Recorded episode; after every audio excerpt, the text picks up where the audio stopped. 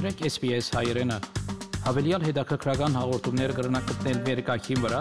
sps.com.au/armenian Ողջույն հարգելի ունկնդիրներ անցաչափաթը Հայաստանում, Արցախում եւ Սփյուռքում։ Նախագահ Արմեն Սարգսյանը երկորյա պաշտոնական այցով Վրաստանում։ Վրաստանը բարեկամի երկիր է։ Այս ամսվա վերջին տասնօրյակում վարչապետը հրաժարական կներկայացնի ցեղասպանության հերթական տարելիցին ընթരാճ այս եւ այլ նորությունների մասին մանրամասն։ Հայաստանի նախագահ Արմեն Սարգսյանը վրացի գործընկերոջ Սալոմե Զուրաբիշվիլիի հրավերով անցած շաբաթ երկորյա պաշտոնական այցով եղել է հարևան Վրաստանում։ Երկու երկրների նախագահները քննարկել են երկկողմ հարաբերություններին, ինչպես նաև տարածաշրջանում ստեղծված նոր իրողություններին վերաբերող հարցեր։ Ես կարծում եմ, որ այս այցելությունը իր դրական բտուղները պետք է տա, որտեղ ես շարունակաբար հետևելու եմ սրան։ Կնեմ մեր նման երկիրը պետք է ունենա շատ ակտիվ, շատ ակտիվ արտաքին քաղաքականություն, որ պետք է ներառնի եւ արտաքին քաղաքականություն եւ ռազմաքաղաքական անվտանգության հարցեր եւ պետք է ներառնի նաեւ համագործակցություն, մշակույթ, բայց նաեւ գործարար ոլորտում։ Այսինքն մեզ համար այս մեծ դժվարությունից հետո, որը պատերազմ է, պետք է կարողանանք ցույց տալ աշխարհին, որ ուժեղ ենք։ Արմեն Սարգսյանը վրացի գործընկերոջն է ներկայացրել Արցախյան պատերազմից հետո ստեղծված իրավիճակը Ադրբեջանի վերահսկողության տակ անցած տարածքներում հայկական պատմամշակութային հուշարձանների վերացման վտանգը, հայ գերիների հարցը։ Վրաստանի նախագահը հայտարարել է, որ տարածաշրջանում խաղաղությունն ու կայունությունն այլընտրանք չունի, նշելով, որ Թբիլիսին շարունակում է կողմերի միջև բանակցությունների հարթակ տրամադրելու իր պատրաստակամությունը նախագահ Արմեն Սարգսյանն ի պատասխան պատասխան նշում է. Շատ լավ, aber ազնիվ առաջարկ է, բայց թե որտեղ եւ ովքեր եւ ինչի մասին պետք է բանակցեն, համենայն դեպս ինձ համար դեռևս բարձ չէ եւ որևէ բանակցության, ավելի լուրջ բանակցության, միջպետական բանակցության նախ եւ առաջ հակառակողը պետք է ցույց տա գոնե ամենաէլեմենտար մարդկային վերաբերմունք։ Տարածաշրջանի կայունությունն ու խաղաղությունը ըստ Արմեն Սարգսյանի կապված է նաև Արցախյան հարցի արդարացի լուծման հետ։ Կայունություն տիրելու համար կայունություն մեր տարածաշրջանում առանց Արցախի հարցի արդարացի եւ վերջնական լուծման համարյա անհնարին է լինելու։ Բանը տարածաշրջանի բոլոր խնդիրները բոլորին են վերաբերում։ Եթե կարծում եք Արցախի հիմնահարցը միայն մեր խնդիրն է, սխալվում եք նույն այդ խնդիրի ես ասեցի եւ եւ մեր հանդիպման ժամանակ որ ամիջև այն բայ երբ որ Արցախի հիմնահարցը արդար վերջնական լուծում չգտնի խոսել կայունության մասին կանխատեսելիության մասին տարածաշրջանում շատ դժվար է լինելու։ Հետևաբար դա հետևաբար դա բոլորի խնդիրն է։ Նաև ցամաքային սահմանների բացմանն է եղել անդրադարձ Վրաստանը թեև բացել է օթային սահմանը Հայաստանի քաղաքացիների համար, սակայն դեռևս փակ են ցամաքային ճանապարհները։ Հույս ունեմ եւ քանի որ հարցը բարձրացված է, որ առաջին իսկ հնարավորության դեպքում, երբ որ կորոնավիրուսի վտանգը ուրեմն ավելի քիչ կլինի, ճանապարհները կբացվեն։ Դա անհրաժեշտ է եւ մեզ համար եւ իրենց համար, եւ տարածաշրջանի կայունության համար։ Ներքաղաքական նորություններ Հայաստանի վարչապետ Նիկոլ Փաշինյանը խորհրդարանում անդրադառնալով Արցախյան պատերազմին ասել է, որ պատերազմի օրերին գլխավոր շտաբի այդ ժամանակվա պետ Օնիկ Գասպարյանը չէր զգուշացրել, որ պատերազմը պետք է կանգնեցնել, ինչպես հայտարարել էր ավելի վաղ։ Չի ասել գլխավոր շտաբ պետը նման բան, դա արձանագրված է պաշտոնապես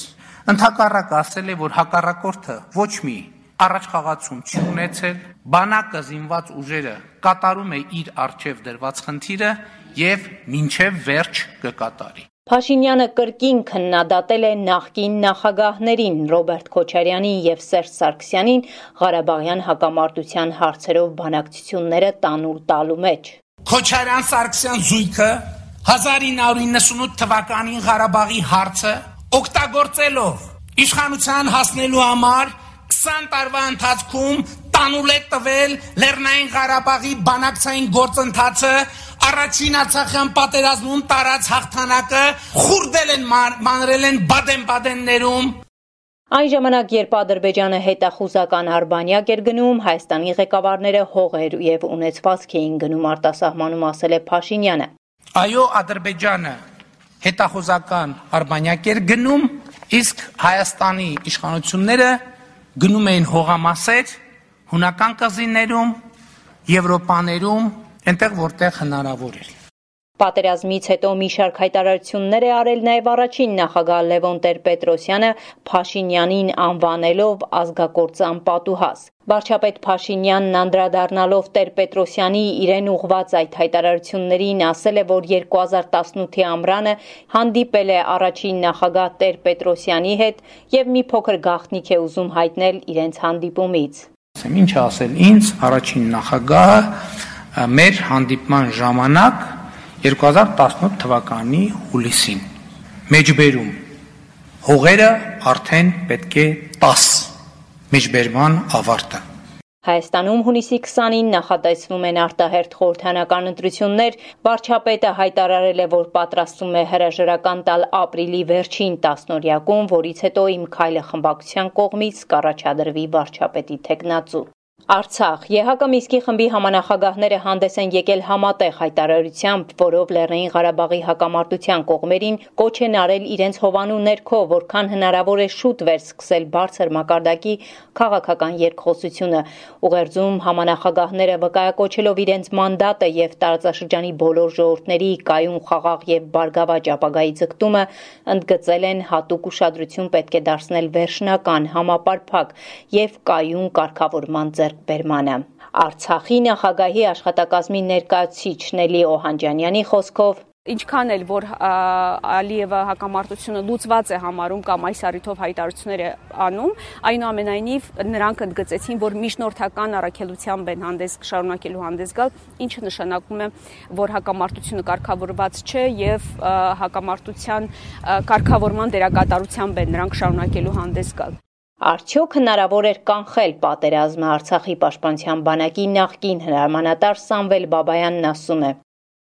Ես համարում եմ, որ հնարավոր չէր, ես դրա մասին բազմիցս ոչ թե այսօր եմ ասում 13 թվից սկսած ասում եմ որ Ադրբեջանը գնում է պատերազմի, պատրաստվում է պատերազմի եւ որ եւ որ որ պատրաստին է, հետո ինքը սկսել է պատերազմը։ Ուզում ենք մենք չենք ուզում,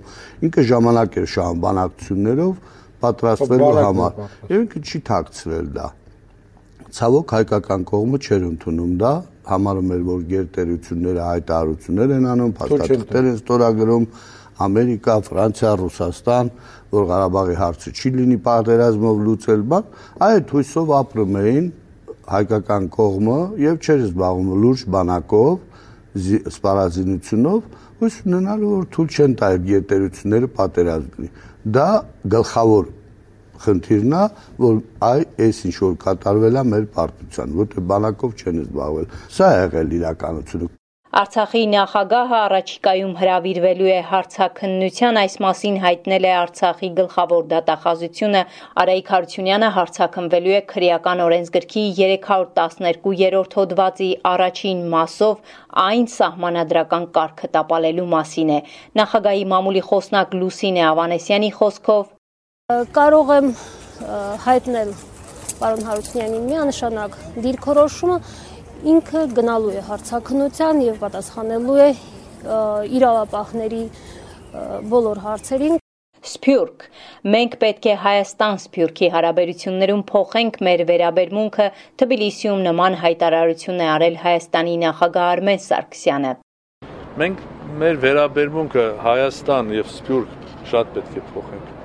Ես կարծում եմ, որ մենք պատնեշներ ենք կառուցել մեր եւ Սփյուռքի միջև վախենալով ինչ որ ժամանակ Սփյուռքի չգիտեմ ինչի համար, երբ որ մեր իսկական ամենակարևոր արժեքն է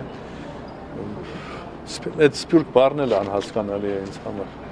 Մենք բոլորս միասին ենք։ Թե կարողանանք ներգրավել բոլորին, այլ ոչ թե բաժանել։ Ճիշտ նույն ձևով առանց ներգրավելու, առանց միասին գնալու տեղ չենք հասնելու։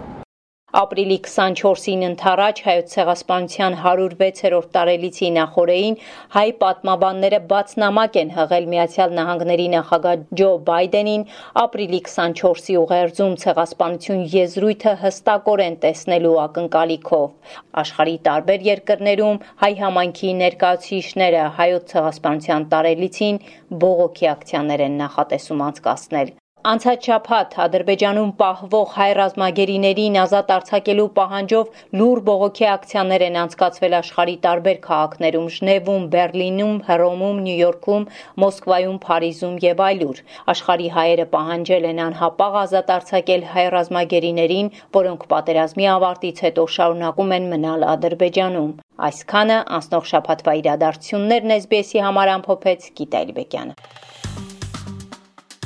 հավնե, լայք, բաժնեկցե, դարձիկը թայտնե, հետևե SBS հայրենին թիմադեդի վրա։